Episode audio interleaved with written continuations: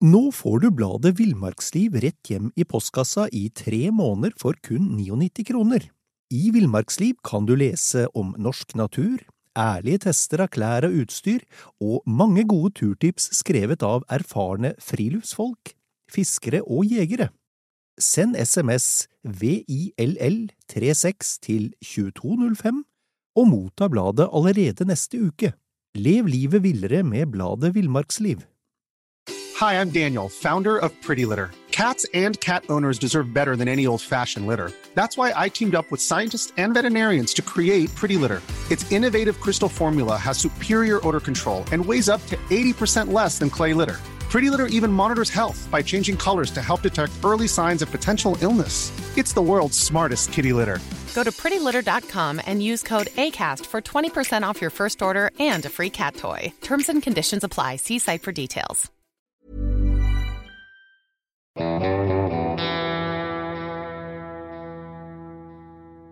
Velkommen til podkasten Villmarksliv. Mitt navn er Knut Brevik, og jeg er redaktør i bladene Villmarksliv, Jakt og Alt om fiske. I dag skal jeg snakke med en mann som i disse dager har vært sammenhengende på tur i over et år, og som planlegger til sammen 1000 dager på tur i Norge i et strekk. Bengt Are Barstad, hvor er du nå og hvor kaldt er det hos deg? Akkurat nå så sitter jeg attmed et lite naturreservat som heter Danielåsen, helt nord i Nordland, i Grane kommune. Jeg vet ikke, vi har vel en 25 minusgrader kanskje ute nå. Skikkelig sånn fin, fint, klar, tørr vinter, vintervær. Ja. Sånn, vi lik, sånn vi liker det. Og hvor, hvor har du, er du i skogsterreng, eller er du på, i, i fjellet? Nei, nå ligger jeg øverst i tregrensa, i barskoggrensa her i, i Grane. Ja. Det kommer jo litt at uh, Nå er vi jo på slutten av en mørketidsperiode, og jeg har ligget en del i ro. Uh, fordi dagene har vært så korte, da, må jeg, da er jeg litt avhengig av å ha god tilgang på ved, så det blir gode bål. Ja, klart. Så da har vi holdt, holdt oss i skogen. men, men Det har vært ja. La oss starte med begynnelsen. Um, hvordan fikk du en sånn glupende appetitt på friluftsliv? Hvordan starta det hele? Ja, vet du, det har jeg grunna lenge på sjøl òg. Jeg, jeg har egentlig ikke noe sånn supergodt svar, annet enn at, uh, annet enn at uh, jeg, var, jeg er opp rundt plasser med mye natur. Og foreldrene mine har vært eh, veldig flinke til at vi måtte være ute. Vi skulle være ute når vi var små. Ja. Så, så det kan jo ha en sammen, sammenheng der. Mm. Men samtidig så har jeg bestandig vært veldig glad i, i naturen. Altså, og veldig sånn oppdagelses... Um, var veldig glad i å dra på sånne oppdagelsesturer på blomster og dyr og fugler og alt mulig, egentlig. Ja, ja, ja. Helt, helt siden jeg var bitte liten.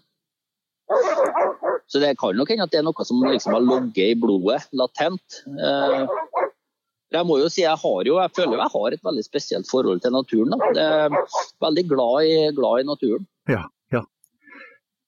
Jeg, jeg, tenker det, at det må du jo være for å, for å frivillig tilbringe eh, Planen er å tilbringe eh, da altså nesten tre år ute på tur i ett strekk. Det er, det er ikke noe småtteri.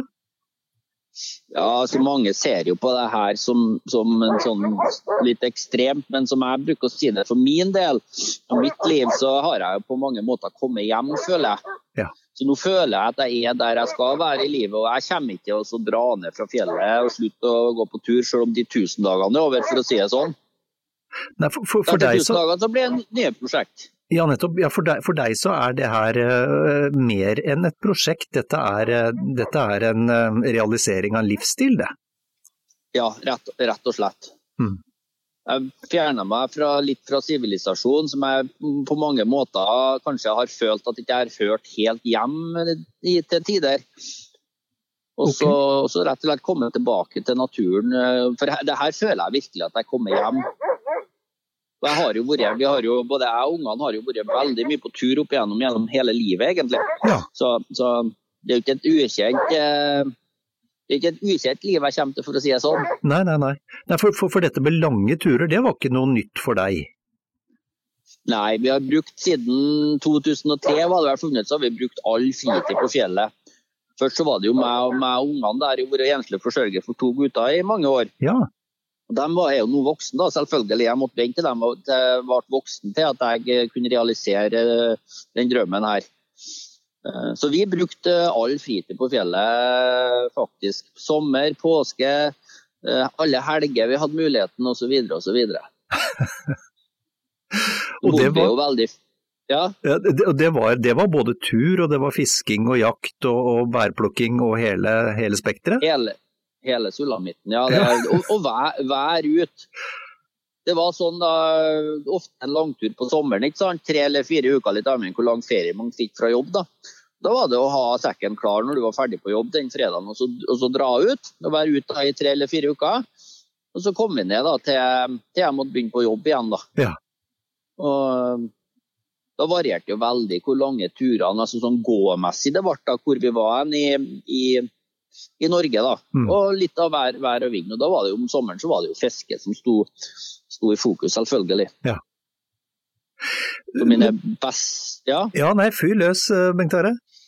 Jeg sier mine, mine beste turminner, kanskje det som er som, som, gjør at den, den, turen her går såpass bra, det er at jeg har hatt veldig mange gode turminninger sammen med mine barn da, på, på, tur opp igjennom. Mm.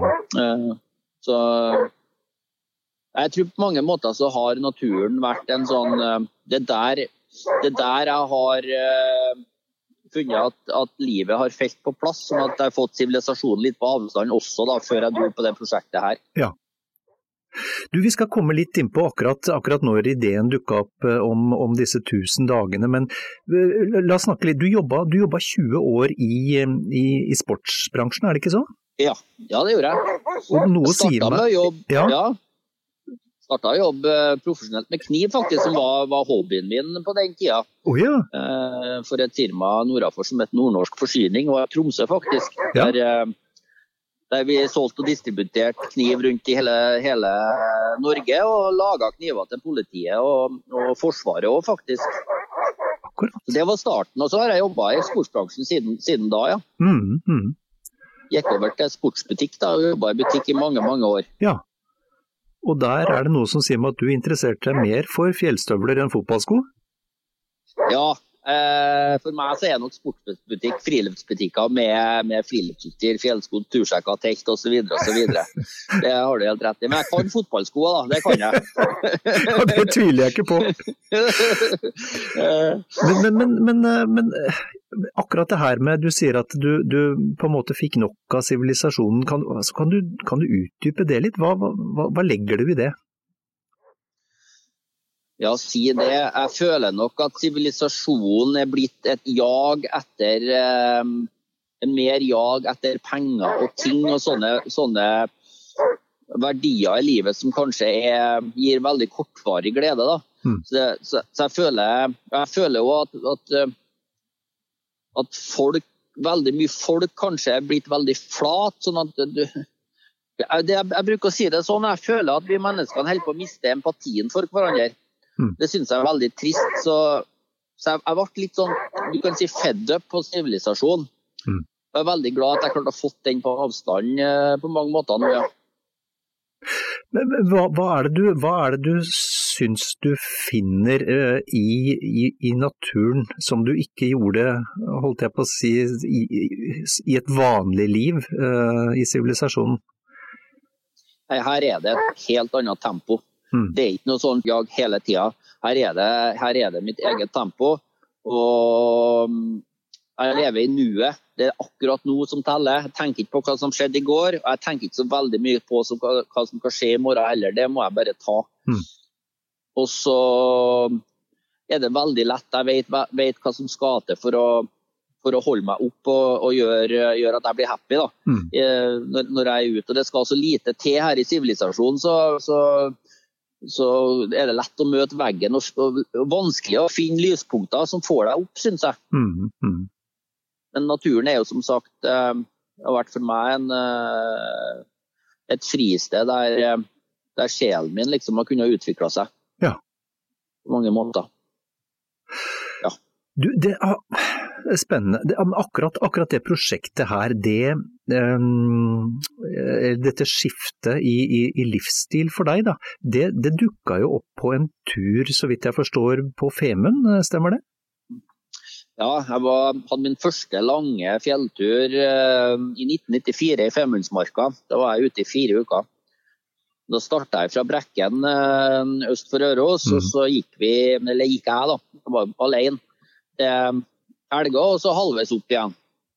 Det var en sånn luffetur, og var veldig heldig med været egentlig alle fire ukene.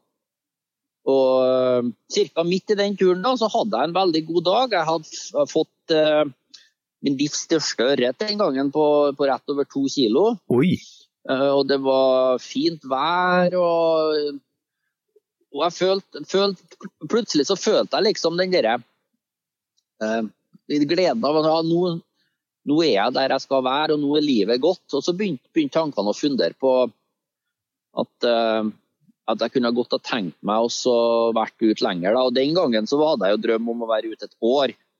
Mm. Det var det som liksom var hoveddrømmen. Men så har jo hele prosjektet og drømmen utvikla seg gjennom, gjennom livet. Mm. Uh, og nå er jo egentlig hovedmålet mitt det å prøve å skape et eller annet som gjør at jeg kan bruke all tida mi i naturen være mest mulig ute, rett og slett. Sjøl etter det tusendagersprosjektet. Mm -hmm.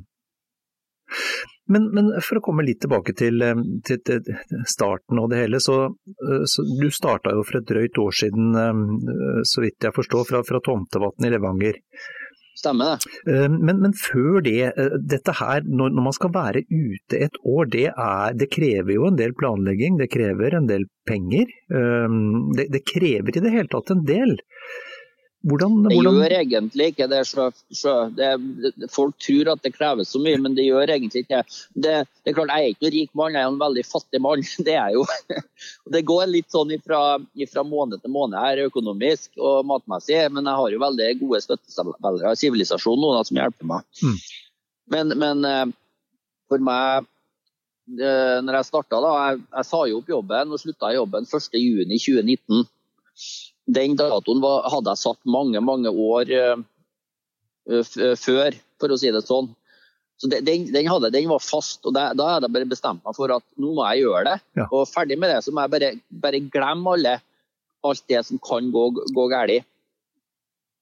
Mm. Og så hadde jeg jo vært såpass mye på tur før at jeg, at jeg visste at jeg må ha proviantering opp igjen. Om jeg klarer å bære med meg mat for ca. fire uker, ja. jeg klarer å ha med meg hundemat for ca. fire uker, så må jeg ha ha proviantering. Mm. Um, og så måtte jeg bare kvitte meg med mesteparten av mitt juridiske gods, selvfølgelig. Og hadde bitte litt oppskårte midler igjen, eh, rett og slett. Og så, så, så, måtte jeg rett og slett bare som jeg sier, prøve å utvikle noe som jeg kanskje tjener bitte litt penger på. Ja. Og, og leve enkelt og klare meg med minst mulig, rett og slett. Det har fungert egentlig bedre enn hva jeg trodde. Det var det mest eh, skumle jeg har gjort i hele livet, var å si opp en fast, god jobb, faktisk. Det var, det var skumle, skumle, greier. Ja, men det skjønner jeg. Det skjønner jeg. Ja. Men, men, eh, jeg mener å også ha, ha blitt fortalt at du, du solgte bilen nå, du, før du dro? Ja, ja.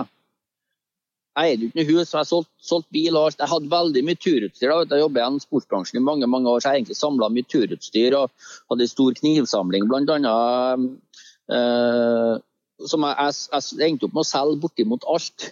Akkurat. Og kvitte meg med mesteparten. Alt det dyre utstyr som jeg samla som jeg skulle bruke på turen. Når jeg, når jeg, kom og skulle begynne å pakke, så tenkte jeg dette her er for fint, dette her kan ikke jeg fære med. Så jeg, så jeg, så jeg valgte å solge det i stedet. Og så har jeg stort sett brukt Jeg har brukt faktisk mye av det, det brukte det jeg brukte opp igjennom, opp igjennom før. Det er ganske morsomt at du sier det, for det, det sier flere jeg har snakka med som har vært mye ute på tur, at de ender opp ikke med det nyeste og mest fancy, men det de har brukt, brukt hele tida. Ender opp med den dunjakken som det var lapper på fra før, og som har vært med på utallige vinterturer. og Den har jeg sleit ut nå, da. den ble med ned ned på sist proviantering nå, da. Så nå fikk jeg en annen gammel jakke, som òg er lappa, da. Får se hvor lenge, lenge den varer.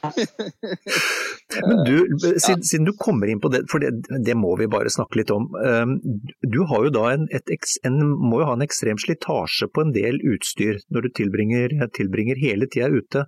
Har, mm -hmm. Hva slags aha-opplevelser har du fått i forhold til utstyr det første året her? Uh, jeg har jo jobba i sportsbransjen så lenge at jeg, jeg vet jo at det er forskjell på utstyr. Mm. Det, og det er det. Um, og det, det, er nok dessverre sånn. Sportsbransjen har jo forandra seg veldig mye de siste ti årene. Og det har nok blitt sånn at utstyret har, egentlig i dag har blitt dyrere og dårligere. Så veldig mye av det jeg drar med nå, det er faktisk 15 år gammelt. Uh, og, og, og, bevisst valgt. Jeg har ei Gore-Tex-bukse for et merke som heter Artrix. Den er laga i Canada. Mm. Fra gamle Canada-produksjonen deres. og De er mye mer slitesterke enn det de klarer å produsere i dag. Så Jeg har, jeg har litt bevisst uh, valgt noe utstyr som jeg vet fungerer. Mm. Og har, uh, Det er veldig lite utstyr som jeg har slettet ut hittil. Det største slitasjeproduktet mitt er faktisk helsportteltet mitt. Fordi jeg sover sammen med hundene i teltet. og De sliter veldig da, på glidelås, sømmer osv. jeg sliter ut et sånt ekstremtelt fra Helsport én eh, gang i året ca. faktisk. ja, men det, det, skjønner jeg. Ja. ja, for du har med deg eh, hunder. Det er et interessant, uh, interessant poeng. Jeg har fire alaskahuskyer som jeg har som jeg drar med hele tida. Som, som akkurat nå så føler jeg dem med familien min, og jeg er vel, som jeg bruker å si, ca. en fjerdedel husky sjøl antagelig blitt. jeg føler, føler, vi er en sammensveisa flokk. Ja, ja, ja. De, eh, de, har jeg jo hatt siden de var kvart, og de er jo vant til å sove sammen med meg hele tida. Så de sover sammen med i teltet uh, og under duken da om sommeren. Så vi, vi sover i dung hver natt, faktisk, som en sånn uh, ulveflokk, nesten. Mm, mm. Og Fordelen med det er jo at selv nå når det er 25 minus her, så har jeg nesten plussgrader i teltet om natta, faktisk. De avgir så mye varme. Ja, ja. Du, for å spole litt jo... ja, Unnskyld, nå avbryter jeg. Ja. Mm. ja, nei, du må bare, bare fortsette å spørre. Nei, jeg bare tenkte hvis vi spoler litt tilbake igjen, for, altså for et drøyt år siden da du sto i Levanger og skulle, skulle ut på turen, er det, for å bruke den klisjeen fra sports, sportsdekninga, hva føler man ja. da? Ja, Altså for, for, å si det sånn, På Levanger så, så gikk det veldig greit å dra. Eh, for det tusendagersprosjektet mitt det starta jo egentlig året før. Jeg slutta jo i jobben min den 1. juni 2019. Mm. Og den 10. juli så sto jeg i Gutelia sør for Femundsmarka og starta egentlig på, sånt, på det to og et halvt års-prosjektet mitt. Um, så det var egentlig Gutelia som var starten. Og det er litt artig du spør om det, hva føler du da? For egentlig så hadde jeg hadde jeg planlagt å lage en litt sånn fin videosekvens fra når jeg, filmsekvens fra når jeg starta da, mm. med Gutelia der. Men det øyeblikket ble så emosjonelt for meg at jeg klarte, jeg klarte ikke faktisk. Det ble ikke noe bra.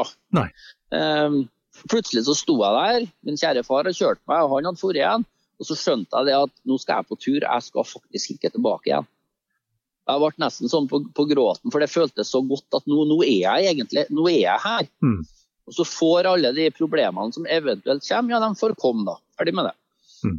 Så det var et veldig emosjonelt eh, øyeblikk. Mm. Mm. Og Det som skjedde videre i prosjektet, da var jo at eh, etter hvert som jeg bevega meg opp gjennom Femundsmarka og ukene gikk, så, så, så utvikla dette tusendagerprosjektet eh, sitt seg, da. For det, var, det, er litt mer schwung over å si 1000 dager i stedet, i stedet, for å si jeg skal være ute i to og et halvt år. Mm, mm. Så da ble det 1000 dager ute til. Mm. Og så kom jeg jo ut på høsten øh, eh, 2019, da, så kom jeg jo til Levanger, eller Tungtvatnet. da. Og Der har vi ei familie, gammel familiehytte, så der satte jeg meg opp to store trelaver som jeg har det siste rest av mitt jordiske, jordiske gods i. da. Men så har jeg jo min tekniske sjef Ole Grotbæk Heggen. da. Han øh, han begynte å kommentere at nå syns jeg jeg har vært litt nær sivilisasjonen. Nå var Klausen-pausen min begynt å bli litt lang, sa han. Så, så du, må, du, må, ta oss og begynne på nytt igjen. Det ja. sa han egentlig på en litt sånn humoristisk måte. Han mente det egentlig som en spøk. Ja. Men så sier jeg ja, men det er helt greit, jeg kan starte på nytt igjen i februar. Da kan jeg være ute enda lenger, så det er ikke noe problem. Da ble det sånn. Så, så, sånn ordna vi det.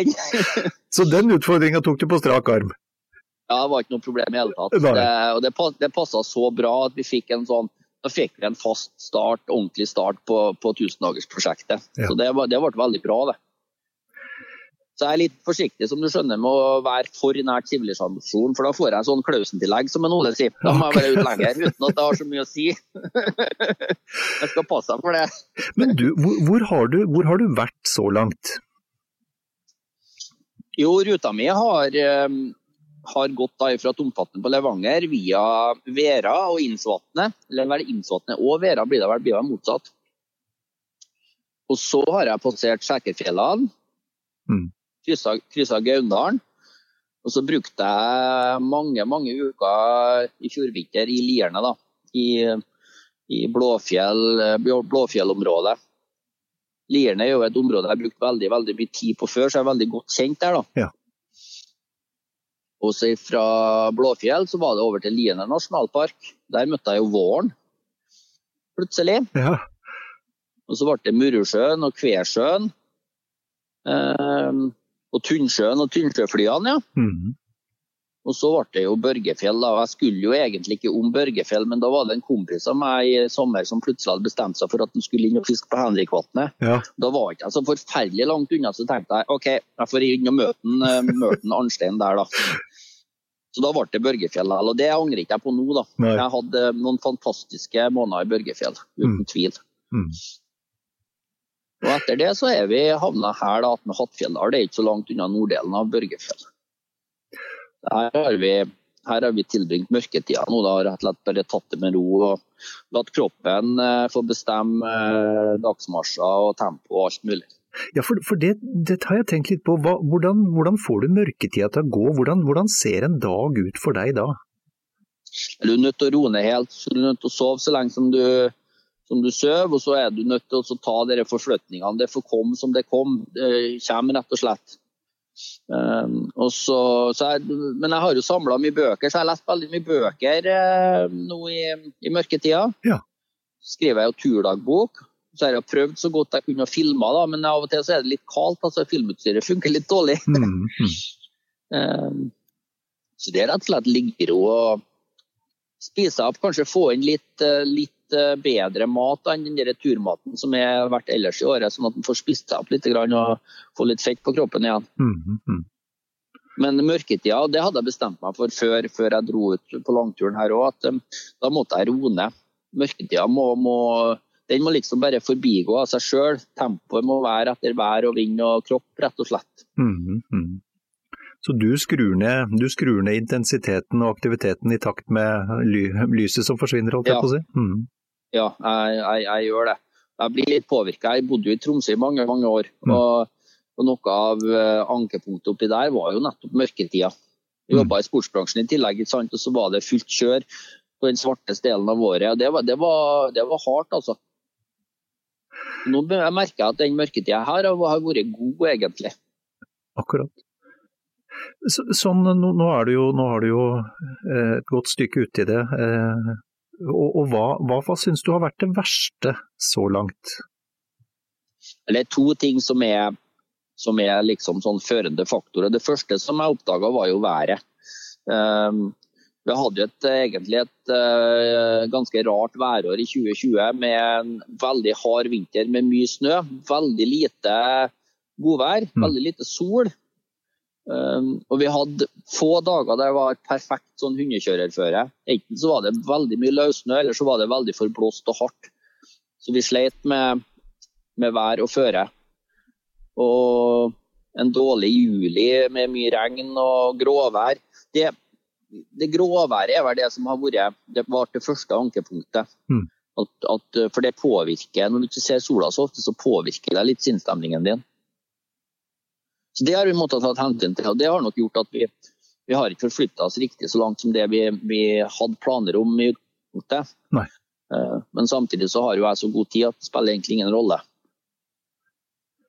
Og så har du det Mm. andre som er ankepunktet, det er turmaten. Du er veldig avhengig av proteiner på, på en sånn tur som jeg er på. og Får du lite fisk eller skyter lite vilt, så du har lite proteiner, Mm. så påvirker det faktisk eh, kroppen din og sinnsstemningen din, det òg. nettopp, ja. Så vær og mat er, må du ta hensyn til, faktisk. Mm -hmm.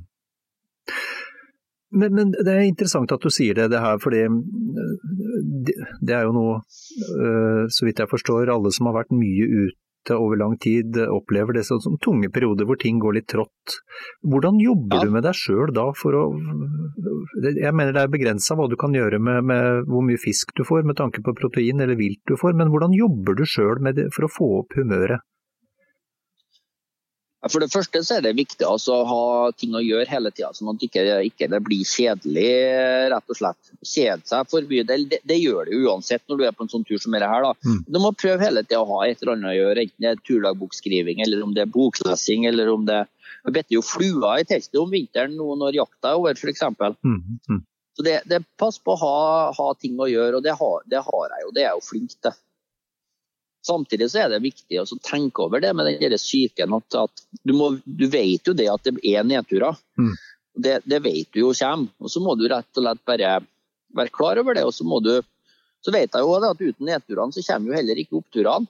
Nettopp. Mm. Og så er det å utnytte de små magiske øyeblikkene i naturen. De, de får deg opp. Da, du kan være så langt nede i kjelleren som du kan, men det skal, det skal så lite til her om dagen f.eks. du våkner opp og så sitter en stor tiur i, i, nærmeste furua. Da er du helt, helt oppe i skyene igjen. Da er dagen er helt magisk, ikke sant? Ja, ja, ja. ja så er det litt, litt, sånn at maten som sagt å, å påvirker sinnsstemningen din. Så, så, jeg er veldig glad jeg drikker veldig mye te. Og te med sukker i, det, det kan få deg Er du langt ned og gått langt en dag og skikkelig sånn gørrlei, en god kopp te, så er du opp igjen. det er sånne små tyvtriks. det, det, det, har jeg nok. den skal jeg legge meg på minne, te med sukker. Men, men, du, jeg tenker, du nevner, du nevner jo det sjøl, det med, med, proteiner og, og, jakt og fiske. og, um, og blir det, med, blir det, med, jakt og fiske litt mer alvor? Jeg mener I en vanlig livssituasjon, så, så hvis man er ute en helg og ikke får noe, så trekker man på skuldra, kanskje man får noe neste helg. Men, men, for deg så er det jo litt viktigere nå, da? Ja, vi har vært i situasjoner der jeg føler det er alvor, ja. For jeg har med fire hunder. Vi er, vi er, dem òg er faktisk avhengig av at jeg får litt fisk og, og skyter ei anna rype. Mm. Så, så, jeg har hatt dager ja, der vi hadde lite hundmat igjen og lite mat igjen. Og som jeg sier, fuglene har forret, eller fiskene har sluppet unna. Mm. Og da, da, føler du litt på at du har gjort en dårlig jobb. Det, det skal jeg ærlig innrømme. Mm. Så du er litt avhengig ja. på en annen måte nå, ja. Jeg, jeg er det, ja. Det, så, så jeg tar jakta og fiske kanskje litt mer seriøs nå ja, enn hva jeg har gjort på en sånn vanlig trekurskur. Ja. Mm, mm. Det, det, gjør jeg. Men samtidig så er jeg litt sånn at jeg trenger ikke å skyte alt, jeg trenger ikke å fiske, fiske alt heller. sånn at har vi gått med mat og sånn, så kan jeg like, like så greit rundt og se, se på rypa og filme henne. Mm, uh, jeg tenker sånn som nå, nå når du, du, har gjort altså uh, Du har gjort en, en hobby og interesse til, til hele livet ditt. Har det, hva har det gjort med, med, forholdet ditt til natur og friluftsliv? Jeg tror jeg hadde det forholdet, forholdet til naturen det tror jeg ligget latent til meg helt siden jeg var bitte liten. Mm. Så Det tror jeg rett og slett bare har utvikla seg. Og, og selv før, før, jeg dro på den langturen, her, når vi hadde de lange turene våre, så jeg ungene, så følte jeg når jeg når jeg hadde de der treukersturene, så følte jeg faktisk at jeg kom hjem, så var jeg hjemme i tre uker, så måtte jeg tilbake til sivilisasjonen igjen. Mm. Så jeg, jeg, føler nok, jeg, føler nok, at jeg er at jeg har større tilhørighet her i naturen enn hva jeg har i sivilisasjonen, sånn som det har utvikla seg, faktisk. Mm. Mm. Så jeg er jo såpass heldig. Jeg har jo, jeg er jo egentlig utdanna innen akvakultur, da, fiskeoppdrett. Det har jeg aldri jobba med. da. Men så har jeg ganske mye fag på universitetet som har med biologi å gjøre. Da. Så jeg har alt av feltkurs, bl.a. Både på planter og, og, dyr og fisk og fugler og alt mulig. Ja, ja. Så, så jeg, jeg, føler jeg sitter på, jeg, jeg sitter på god kunnskap. Da. Og mm. Det, det syns jeg er interessant å vite. Jeg vet hva plantene heter, jeg klarer, klarer å filosofere meg fram til hvorfor de vokser der, f.eks. Um, da oppdager du plutselig alle de små undrene i naturen som vi har rundt oss. Da får du litt sånn som jeg sier, noe sånn, et og annet sånn magisk øyeblikk. Mm. Det, de, er, de er viktige. Mm. Du, nevnte det her med, med innsikt i, i, i planter ja, og vekster. Er, det sånn at du har eh, kunnet spe på husholdninga litt, holdt jeg på å si, med, med, med innslag av planter og Ja da, Det, det, spesielt på våren så er jeg, jeg er jo nesten gresseter, faktisk. Fær som en elg. Jeg spiser veldig mye, mye granskudd og, og furuskudd om våren f.eks. Og det er veldig mye av de vårvekstene som kommer opp, så der er jo nesten alt spiselig hvis du vet hva du plukker. Mm. Der er det sånn, der må jeg bære sekk, og så kan jeg bøye meg og så plukke en, en bukett med gauksyre f.eks. og spise underveis. Spiser veldig mye syre, egentlig generelt. Engsyre og fjellsyre er jo kjempegodt. Okay. Så det, det, det, der får du inn veldig mye god C-vitamin. Ah. Så jeg, jeg, er glad i sånn, spesielt disse vårvekstene. Da, da, spiser jeg mye, mye planter, ja. Mm. Det gjør jeg. Vi, vi snakka jo litt om, eh, litt om, hva som hadde vært det verste, og du har jo ved et par anledninger nevnt disse små, små eh, underne, eller magien. Hva, hva har det beste vært så langt med turen?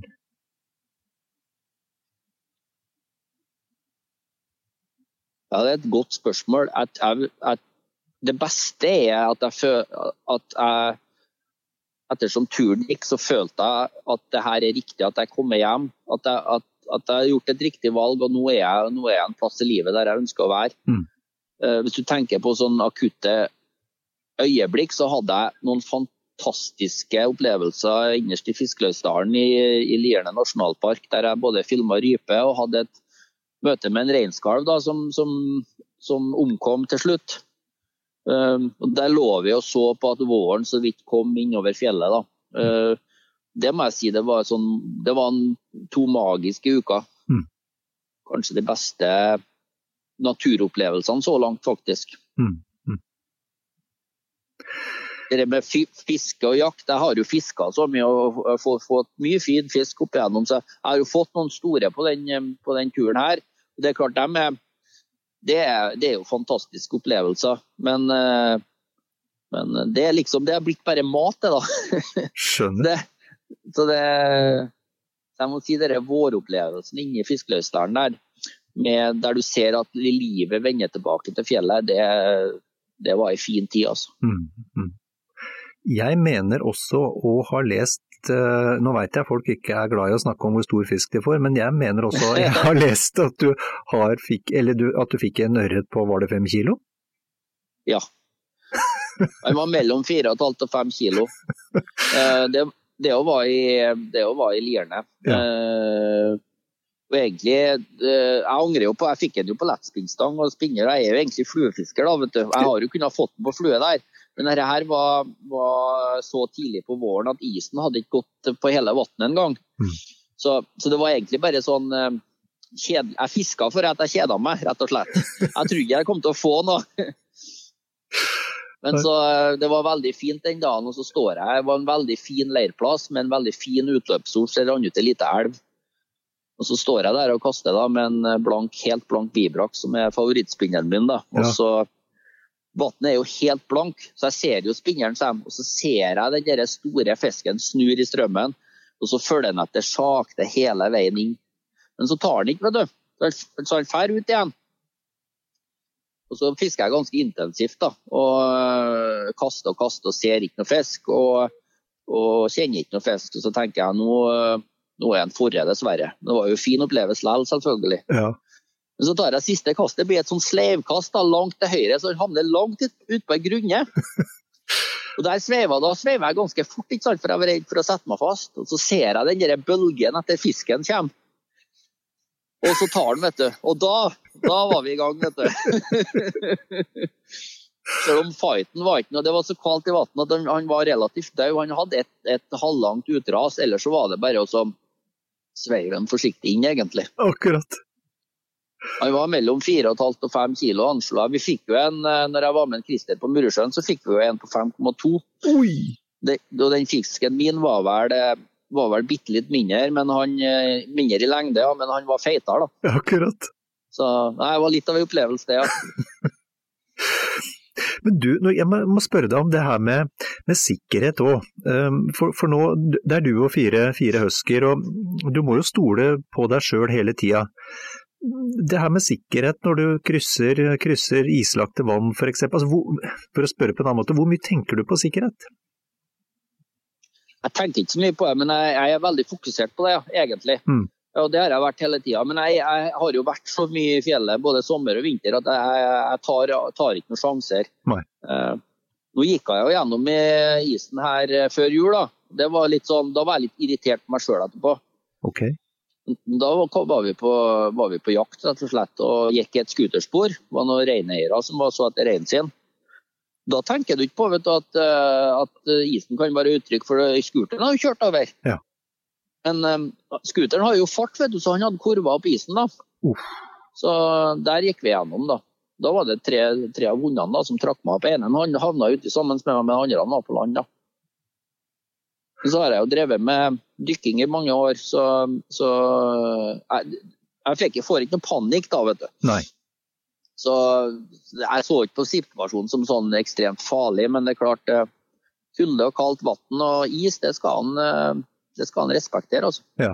Hadde du, hadde du ispigger, eller, kom, eller holdt jeg på å si hvordan Nei, jeg, nei, jeg har kniver på meg, så jeg tok fram ene kniven da, og brukte den. da, Men isen var så tynn at han, han bare flaka seg foran meg. Mm, mm. Så, så, det var litt, eh, litt, skummelt. Jeg vet ikke, jeg, jeg, jeg, kava meg fram, fram ca. ti meter før jeg fikk såpass tak at hundene dro meg opp. Akkurat. Mm.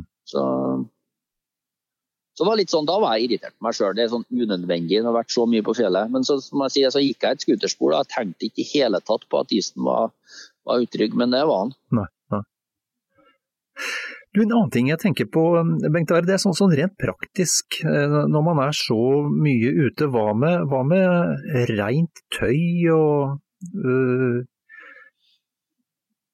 ja, altså jeg provianterer hver tredje eller fjerde uke. Det er min, faktisk min kjære far som, som stiller opp og kjører, kjører, ut til meg. Ja, ja.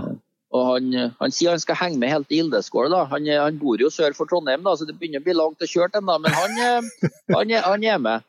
Da får jeg jo inn eh, både mat og hundmat og det utstyret jeg eventuelt trenger å bytte ut. da. Ja, ja. Uh, men rent klesmessig så bytter ikke jeg så ofte klær. Jeg er nok litt enig med eh, Lars Monsen der at eh, det er sunt å være lortete. Jeg har ikke dusja på ett og et halvt år, faktisk. Så klart! Og, ja, ja, ja. Og, og, jeg er ikke noe glad i bad heller, for det er ubehagelig. Jeg, jeg sparer de kaldbadingene til jeg må uti. Ja. sånn som når jeg går gjennom isen, f.eks. jeg skulle til å si det, du har akkurat fortalt om et bad nå. ja, riktig. Det, det, var egentlig et bad til meg, kan du si. Eh, men kroppen, eh, kroppen er Jeg vil ikke si at jeg er gørrmøkkal, altså, for det er ikke jeg. Og jeg tror folk er overraska over at jeg lukter såpass lite som jeg gjør, egentlig. Mm. Men, eh, men, men, jeg tror det er litt sunt at å opparbeide seg dette, dette møkkalaget. Kroppen er jo et eget økosystem, mm. helt klart. Mm. Så det med å bytte klær Jeg bruker jo veldig bra ullundertøy fra Aklima. Og, og jeg vet ikke, jeg bytter ut uh, bytter ulltruse hver sjette uke. da. Mm, mm. Det fikk jeg egentlig ikke lov til å si for han Jørn Flaklia, for han synes det der er heslig. Men, uh, men uh, det, er utrolig, det er utrolig sjelden jeg bytter, jeg bytter ullundertøy. Ja. Ja, ja. Men ulla i dag er jo så fin, vet du, for den lukter, den lukter jo ikke. Den er jo nesten sånn anti, antibakteriell i seg sjøl. Mm. Mm. Så Dessuten så sover jeg jo sammen med fire hunder, så jeg lukter sikkert mer husky enn jeg lukter skjetten fjellkall, for å si det sånn. ja, du, hvor, hvor, viktig er hundene for deg og for turen? Ja, Hundene er blitt veldig viktige. De er jo, de er jo familie, på mange måter familien min. Nå er jeg nesten mer redd for hundene enn hva jeg er for ungene, ungene i sivilisasjonen, for å si det sånn. Mm. Men samtidig så har jeg jo gjort den turen her hvis ikke jeg hadde hund òg. Men, men, motivasjonen for å få, få, tak i hund den gangen, det var jo for å, det ene var jo for å ha selskap, selvfølgelig, men det andre for å ha, ha trekk, trekkraft, bl.a. om vinteren. Mm, mm. Men um, turen er nok annerledes nå med fire hunder enn hva han har kommet til å vært hvis jeg for alene. Da. Mm, mm, det, det, er helt klart. Men de er, de er viktige, og de um, snakker mye med hundene. Og hundene har et veldig fint uh, artig språk. og Det er jo alaskahøske jeg har. Blandingshusky. Mm. Så det er, det er, veldig spesielle hunder. da. Alle har jo forskjellig personlighet. De er jo så forskjellige som Det kunne vært forskjellige hunderaser, egentlig. Ja.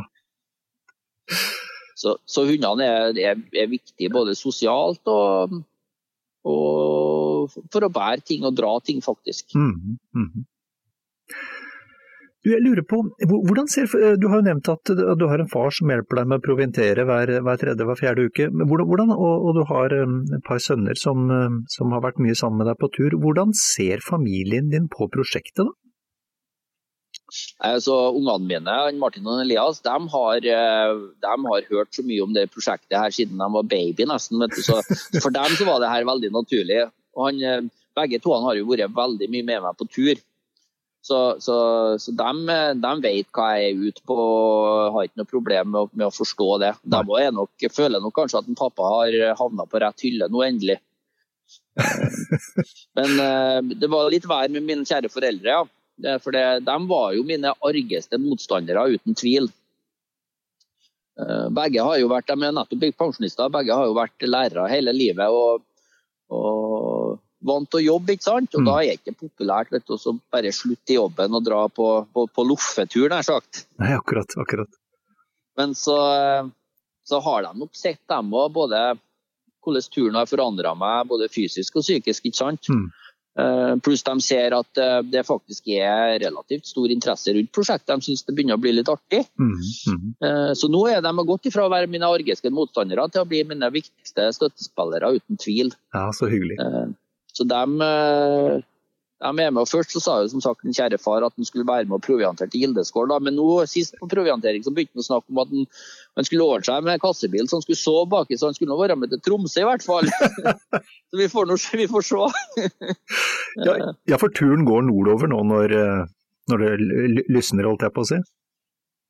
Ja, jeg begynner nå eh, om noen uker, tenker jeg, så er vi på tur sakte, men sikkert nordover da går jo ruta videre langs Røsvatnet nå, regner jeg med, for det er litt for lite snø til å dra, dra langt inn i fjellet. Så planen er å bevege seg sakte, men sikkert nordover, ja, så langt nord som mulig. Mm. Mm.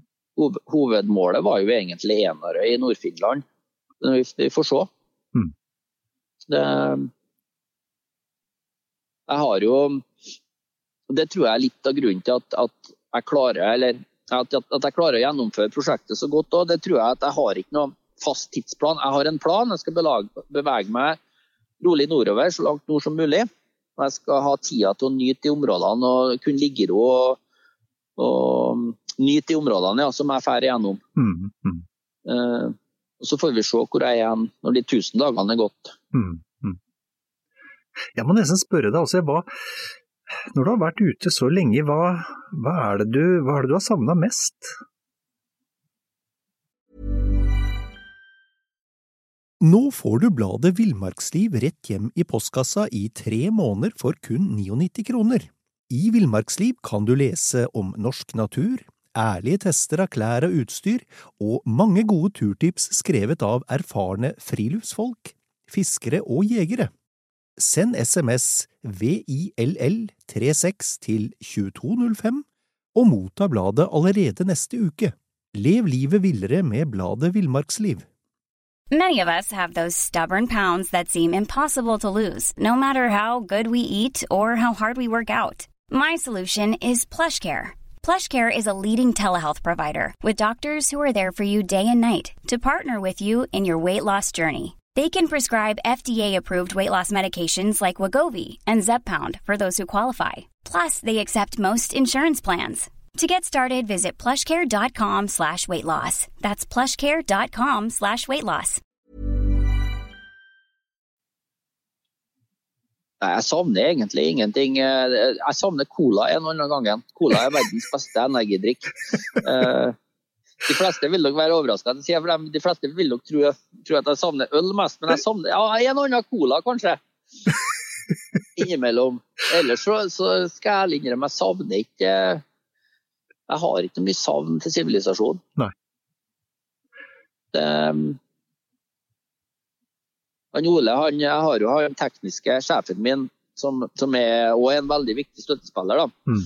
Eh, han spurte meg i stad om jeg begynte å Jeg måtte skrive ned spørsmålet, for jeg holdt på å flire meg i hjel. Om jeg kom til å bli eh, utvikle sosial angst til slutt, lurte på. ja vel. om jeg ble sånn at, ja. Eh, så måtte jeg tenke meg litt om det etter jeg flira. At jeg tror heller det, det er motsatt. for nå, nå, er jeg jo på den sosiale plattforma som som er meg. Mm. Og da er jeg bedre rusta til den, den del av sivilisasjonen som jeg eventuelt møter òg. Mm. Så jeg har ikke noe trua på at jeg vil utvikle sosial angst, nei. Men det var et godt spørsmål, da. Ja, ja, Han, var redd, han var litt redd for det. Men du, nå, dette er jo, dette er jo en, en eh, voldsom tur. Eh, For de fleste så er det jo lenge å være ute ei uke eller to, men dette er jo voldsomt. Hva, hva mener du er nøkkelen for å lykkes med en så lang tur? Det var litt det jeg sa i stad. Jeg har vært veldig bevisst på hvordan jeg planla prosjektet. Mm. Um, jeg har en grovplan Mm. som rett og slett går på å bevege seg sakte, men sikkert nordover, så, så langt nord som mulig. Mm. Men jeg har, ikke noe, jeg har ikke noe faste tidsdatoer eller noe sånt. Jeg har ikke noe tidspress på meg.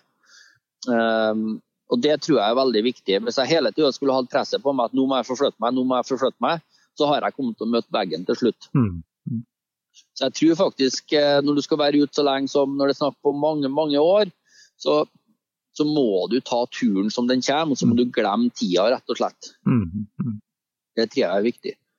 Og så må du nyte, bare passe på å nyte de øyeblikkene du har i naturen som, som, eh, som er bra og gjør deg godt. Mm. Er du på en plass der det er bra fiske, så ikke dra fordi du har tidsnød.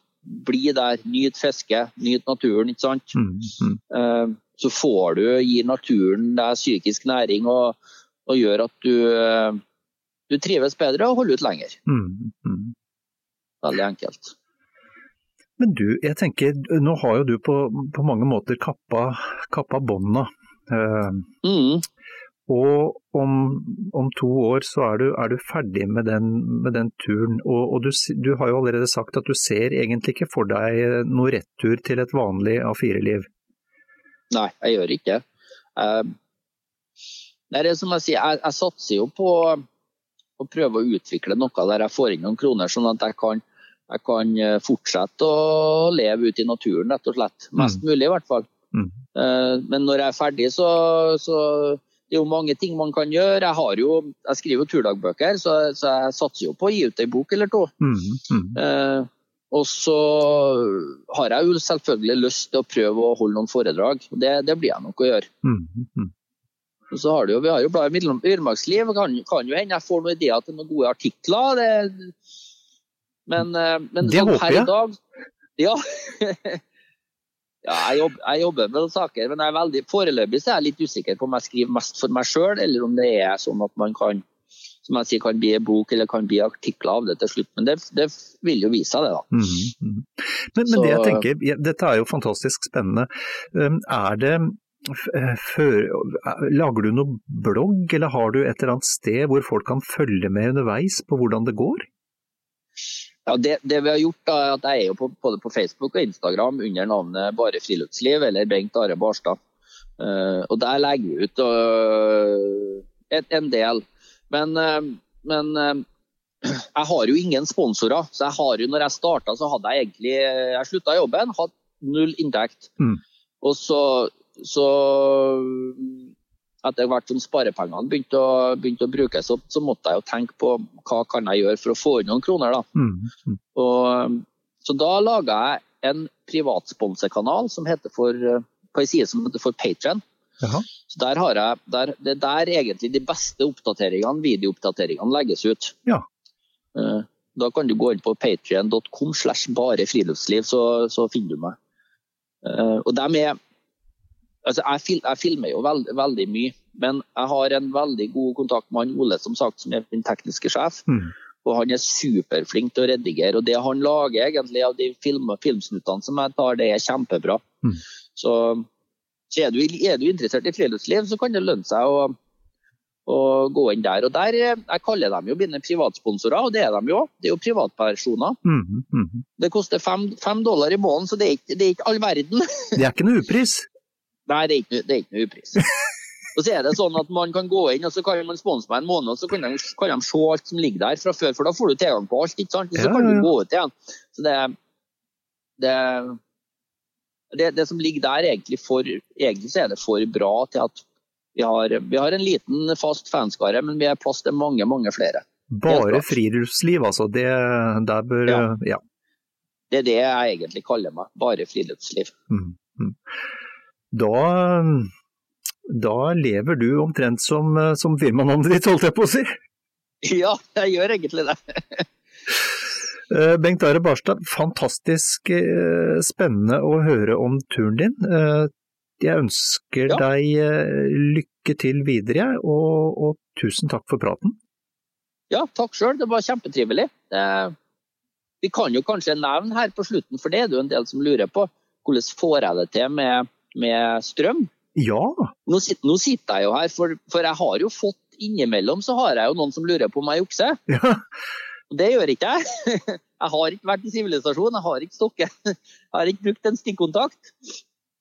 Men nå om vinteren da, så er det, får jeg inn eh, fire store powerbanker cirka, bruker jeg hver, hver måned. Ja. Uh, og det, hoved, hovedstrømmen går til lading av film- og fotoutstyr. Og så mobiltelefon, selvfølgelig. Så, um, så det er grunnen til at vi faktisk får til å sitte her i villmarka nå da, og, og, og kjøre en podkast med Glad i villmarksliv.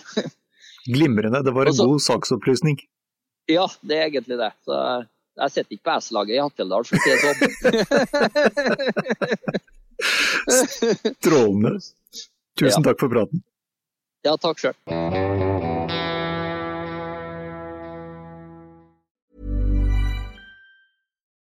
Nå får du bladet Villmarksliv rett hjem i postkassa i tre måneder for kun 99 kroner. I Villmarksliv kan du lese om norsk natur, ærlige tester av klær og utstyr, og mange gode turtips skrevet av erfarne friluftsfolk, fiskere og jegere. Send SMS VILL36 til 2205 og motta bladet allerede neste uke. Lev livet villere med bladet Villmarksliv. Even when we're on a budget, we still deserve nice things. Quince is a place to scoop up stunning high-end goods for 50 to 80% less than similar brands. They have buttery soft cashmere sweaters starting at $50, luxurious Italian leather bags, and so much more. Plus, Quince only works with factories that use safe, ethical, and responsible manufacturing. Get the high-end goods you'll love without the high price tag with Quince. Go to quince.com slash style for free shipping and 365-day returns. Mom deserves the best, and there's no better place to shop for Mother's Day than Whole Foods Market. They're your destination for unbeatable savings, from premium gifts to show-stopping flowers and irresistible desserts. Start by saving 33% with Prime on all body care and candles. Then get a 15-stem bunch of tulips for just $9.99 each with Prime. Round out Mom's menu with festive rosé, irresistible berry chantilly cake, and more special treats. Come celebrate Mother's Day at Whole Foods Market.